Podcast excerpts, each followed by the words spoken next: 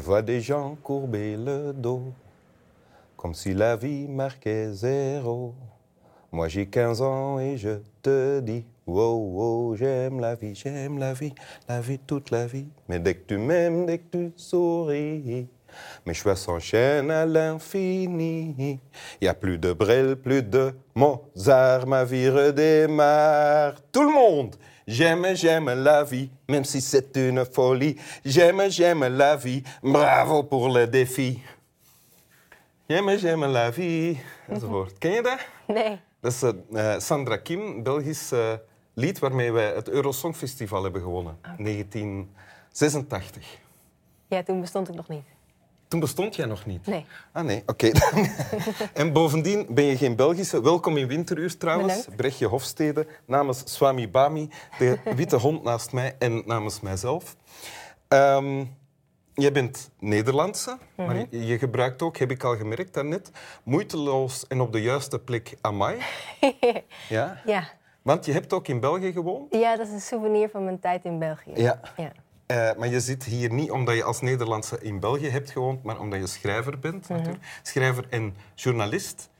Het laatste boek dat van jou verschenen is, heet eh, Drift en is een prachtig boek, heb ik horen zeggen. Ik weet dat het er prachtig uitziet en ik geloof ook dat het prachtig is. Het boek daarvoor ehm, heette De herontdekking van het lichaam. En dat ging over ehm burn-out. En uit een burn-out geraken. Ja. En dat is een boek eh, dat door mensen met burn-out, of die een burn-out hebben doorgemaakt, aan elkaar wordt doorgegeven. ja, dat hoor ik vaak. Ja. Dat, oh, ik ben in een burn-out beland. Toen gaf mijn broer, neef, schoonzus mij dit boek. Dus het is een soort zelfhulpboek, ook al was dat misschien niet de bedoeling eh, toen je het schreef. Ja, nee, ik heb, meer, ik heb het willen begrijpen omdat ik het zelf meemaakte toen ik 24 was. Eh, en toen heb ik heel veel gelezen, nagedacht, geprobeerd, gevoeld, opgeschreven hoe het voor mij was geweest. En het, het is kennelijk een boek wat voor heel veel mensen heel herkenbaar is. En, en, en hen ook helpt om te begrijpen wat ze doormaken. Ja. En dat heb je doorgemaakt. Dat ligt achter de rug, die burn-out. En Ja. het volgende boek dat je gaat laten verschijnen gaat dan weer over slapeloosheid. Ja. helemaal, helemaal ontspannen ben ik nog niet. Nee, oké. Voilà. En je hebt een gedicht meegebracht van Judith Hertzberg. Ja. Wil je dat voorlezen? Ja. Zoals. Zoals je soms een kamer ingaat, niet weet waarvoor en dan terug moet langs het spoor van je bedoeling. Zoals je zonder tasten snel iets uit de kast pakt en pas als je het hebt weet wat het was. Zoals je soms een pakje ergens heen brengt en bij het weggaan steeds weer denkt, schrikt dat je te licht bent. Zoals je je wachtend, minutenlang hevig verliefd in elk nieuw mens, maar toch het meeste wachtend bent.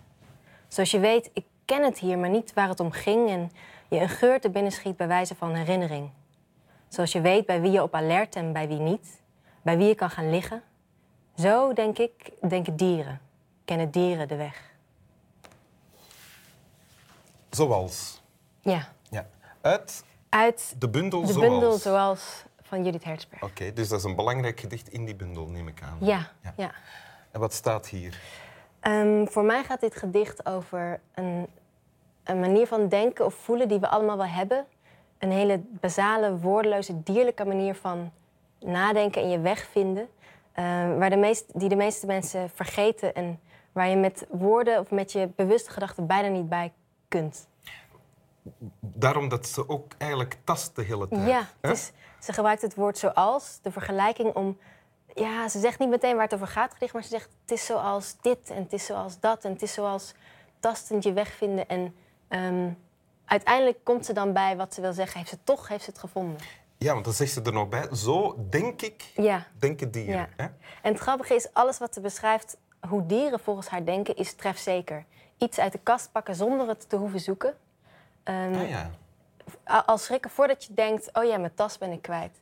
Zijn, er dingen, zijn er dingen bij die je herkent? Ja, heel erg. Ik herken heel erg het eh, verstrooid ergens staan en denken... ik moest ergens zijn. Wat zocht ik ook alweer? Maar je bent wel gelopen naar de plek waar het is. En dan denk je, oh ja, dit. En dan pak je het. Ja? Of heel erg ehm, wat ze zegt over bij wie je kan gaan liggen... en bij wie je op alert moet of bij wie niet. Dat je bij sommige mensen totaal niet in slaap kan komen... en kunnen slapen naast iemand is eh, een teken dat je heel diep van binnen weet dit is oké. Ah ja, dat er iets, dat het denken overstijgt of dieper gaat dan het Ja, denken. een, een soort hele diepe onderstroom. Die, die meer weet dan jij misschien met je bewuste hoofd kan vatten. En is dat is een manier van denken die we, denk ik, denk ik, te vaak vergeten tegenwoordig. Dat we, we proberen alles te rationaliseren. eh, maar er is een, een onderstroom van onderbuikgevoel eh, die, we, die heel veel kan zeggen. Die, die het heel zeker kan weten. Als we ernaar kunnen luisteren. Ik, ben, ik zit me af te vragen of, of er mensen zijn... Ik denk dat ik bij iedereen kan slapen, maar waarschijnlijk... Of liggen. Hmm. Maar waarschijnlijk vergis ik mij. Dat weet ik niet. Eh, iets, iets wat ik heel fascinerend vind over slaap is dat ehm, heel veel mensen, je slaapt, veel mensen slapen beter naast een geliefde. En als mensen alleen moeten slapen, ja, Ja? Slapen ze, hebben ze veel vaker slaapproblemen. Oh ja. En als je op hotel slaapt of op een plek die je niet kent, is een helft van je hersenen nog een beetje wakker. Blijft de hele nacht een beetje wakker. Oké. Want dat soort hele, je kunt er niet bij, het is moeilijk uit te leggen, maar ergens in je lijf zit dat, zit dat alerte dan nog. Even terug naar de tekst. hè. Ja. En eh, dus ze beschrijft een gevoel, corrigeer me als, het, als ik me vergis in wat ik zeg. Een gevoel, iets in, instinctief, intuïtiefs, dat we kwijtgeraken als we te veel in ons denken zitten. Ik denk het wel, omdat zij, zij zegt ook naast elkaar, zo denk ik, slag om de arm, Mhm. denken dieren. Ja, En alles wat ze beschrijft, hoe dieren het voelen, is, is onmiddellijk, is, is trefzeker. ja. ja. Daar is geen twijfel of geen... geen eh, ja. Nee. En waarom, hoe kom je erbij om dit... Waarom treft jou dit dan zo? Waarom breng je dit mee? Om verschillende redenen. Ten eerste, het is een bundel uit 92, al best oud. En eh, in mijn familie, in mijn gezin, was dit gedicht er. Dus eh, ik ken het al heel lang. je daarmee? In mijn nou, ik denk, dat mijn, ik denk dat mijn ouders die bundel hadden. Ik weet dat het werd voorgelezen dan? Misschien hing het wel een tijdje in een, in een postkaart op de muur of zo. Ik weet niet meer waarvan ik het ken, maar ik ken het heel goed. En het gebeurt Je ook hebt wel het dat... gevoel alsof je het altijd al Ja. hebt. Ja. En het gebeurt ook wel dat een van ons iets kwijt is en dat de ander dan zegt: Je moet terug langs het spoor van je bedoeling.